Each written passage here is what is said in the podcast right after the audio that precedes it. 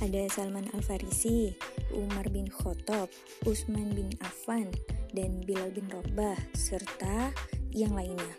Mereka ialah tokoh Islam inspiratif yang harus kamu kenal. Di antara mereka, hmm, siapakah idolamu?